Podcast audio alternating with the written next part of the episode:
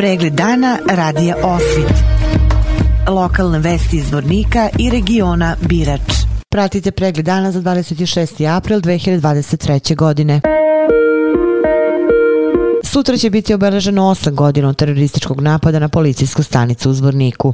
Da podsjetimo, jedan policajac je ubijen, dvojica su ranjena kada je 27. aprila 2015. godine oko 19 časova u policijsku stanicu u Zvorniku upao napadač i počeo pucati. Tada je ubijen policajac Dragan Đurić dok su ranjeni Stevo Milovanović i Željko Gajić. Ministar unutrašnjih poslova Republike Srpske Dragan Lukač tada je istakao da je napad izvršio Nerdin Ibrić, rođen 1991. godine iz iz okoline Zvornika. Lukač je naglasio kako je napad izvršen u vreme smene u policijskoj stanici, što znači da je napadač znao kada se vrši smena i da tada ima najviše policajaca. On je istakao da je napadač došao automobilom ispred policijske stanice, pucao iz puške i policajca ubio na vratima. Nakon toga je ušao unutra i nastavio da puca i tom prilikom ranio još dvojicu policajaca. Ostali policajci su zapucali prema njemu i napadač je ubijen tokom razmene vatre, rekao je tada ministar unutrašnjih poslova Republike Republike Srpske Dragan Lukač.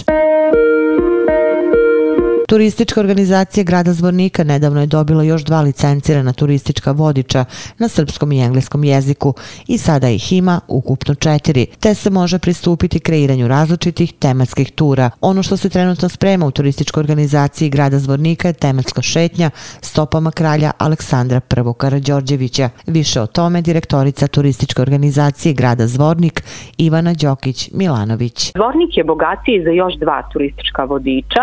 Zapravo e, Ministarstvo trgovine i turizma Republike Srpske je prošle godine raspisalo javni poziv za besplatnu obuku i polaganje stručnog ispita za turističkog vodiča. Mi smo i ove godine vezano za taj poziv prijavili svoje kandidate. Ovaj put su u pitanju dva kandidata iz redova zaposlenih u našoj turističkoj organizaciji. U pitanju su e, Suzana Riđošić, viši stručni saradnik i Aleksandra Đerić, samostalni stručni saradnik za marketing u turističkoj organizaciji biti i sa zadovoljstvom mogu da kažem da su obje položile eh, i dobile eh, republičku legitimaciju te tako imaju pravo da vode turističke grupe eh, na srpskom i engleskom jeziku. Za sam grad ovo je značajno jer smo dobili još dva licencirana vodiča i sad ih imamo ukupno četiri na teritoriji grada. Turistička agencija iz Beograda, Novog Sada, Subotice, Bečeja, Sombora i drugih gradova se sve više javljaju i traže angažman turističkih vodiča za svoje grupe u Zvorniku. To je tako, to što su dobile licencu eh, još više dobija na značaju, jer je sve više zahtjeva i potreba za ovom vrstom usluge, posebno vikendom eh, kada organizovane grupe dolaze u naš grad. Eh, ono što moram također da kažem jeste da je to značajno i sa aspekta jačanja kapaciteta same turističke organizacije, jer se sada može pristupiti kreiranju različitih tematskih tura. Ono što trenutno radimo i spremamo jeste tematska šetnja e, stopama kralja Aleksandra I. Karadžorđevića koja će uvezati naše e, tri tačke e, hram rođenja Svetog Jovana Preteče, kuću Stanka Nikolića i ovaj najnoviji mural koji je urađen u ulici Braći Obradović sa mostom i podzemnim gradom u Karadžorđevića u Malom Zvorniku. Naši vodiči na spremanju te tematske ture rade u saradnji sa Centrom za istraživanje i očuvanje kulturno-istorijske baštine dr. Đorđe Lazarević i e, takođe ono što planiramo u nekom narednom periodu jeste da se osmisli priča e, i turistička tura Jerininom stazom strasti koja vodi od gradske kapije do e, tvrđave Đuđev grad i e, ta, e, to će biti urađeno u saradnji sa našim planinarskim e, vodičima gdje će uz pratnju planinarskog i tu, našeg turističkog vodiča biti e, staza idealna za ljubitelje avanture i prirode. E, dakle, e, ono što se mi nadamo jeste da će broj turističkih grupa koji će posjetiti zvornik da se u narednom periodu sve više povećava. Na platovu ispred Doma zdravlja u Zvorniku juče je završeno ozelenjavanje. U okviru akcije zasađena su dva stabla, jedno platana, a drugo lajlandi, tri smaragne tuje i više od 30 ukrasnih biljaka. Ulepšavanje gradskih ulica počelo je 27. marta, a u narednim danima biće uređen i prostor ispred zgrade Zmajevac. Na futbolskom stadionu Drina u subotu 6. maja u Zvorniku će se po prvi put održati inkluzivne igre bez granica sa početkom u 11 časova. Organizatori udruženja dece sa posebnim potrebama Dečija Nada iz Zvornika u saradnji sa Međunarodnim forumom solidarnosti EMAUS. U pitanju su igre u kojima će učestvovati stotinu učesnika bez obzira na religijsku, rasnu, nacionalnu predeljenost i individualne mogućnosti dece, deca tipičnog razvoja i deca sa posebnim potrebama.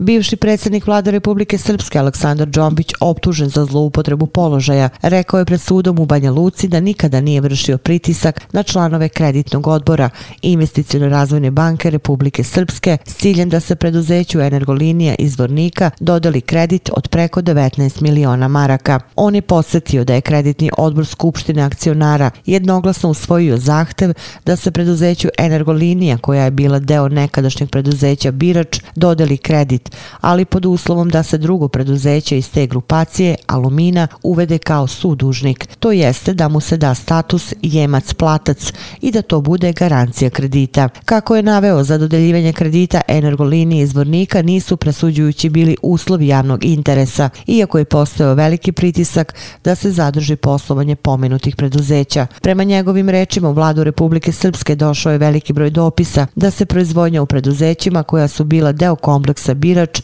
mora održati, jer bi u slučaju prestanka rada oko 5000 radnika bilo pogođeno. Na kraju njegovog svedočenja branilac Zoran Bubić je sudu rekao da je novi predsjednik uprave Alumine pre nekoliko dana izjavio da će pomenuto preduzeće u skorije vreme vratiti u celosti iznos kredita IRB-u, te da će tu izjavu dostaviti sudu. Da podsjetimo, Džombić se tereti da je zloupotrebu službenog položaja izvršio u toku 2012. godine, kada je prema optužnici prezadužen državnoj firmi Energolinija iz Vornika omogućio dobijanje kredita Investicijno-razvojne banke u iznosu od 19,4 miliona maraka, a koji nikada nije vraćen. Kredit je toj firmi isplaćen u maju 2012. godine, a u optužnici se navodi da je oko 10,6 miliona maraka upotrebljeno u svrhe za koje je kredit tražen, a da je ostatak iznesen iz Bosne i Hercegovine. Vesti iz Loznice. Dugo očekivano postavljanje zelenog tepiha na novom futbolskom stadionu u Loznici počelo je danas i završetkom tog posla najveći loznički sportski objekat biće spreman za upotrebu. Na terenu koji ima grejanje postavlja se hibridna trava, kombinovane prava i veštačka, kakva se trenutno nalazi jedino na stadionu Superligaša TSC-a, ali to je složen posao koji zahtjeva određene uslove koji su sada ispunjeni. Opširni na sajtu lozničkenovosti.com www.radiomaria.com Pratili ste pregled dana za 26. april 2023. godine. Hvala na pažnji. Pregled dana radija Osvit. Lokalne vesti iz Vornika i regiona Birač.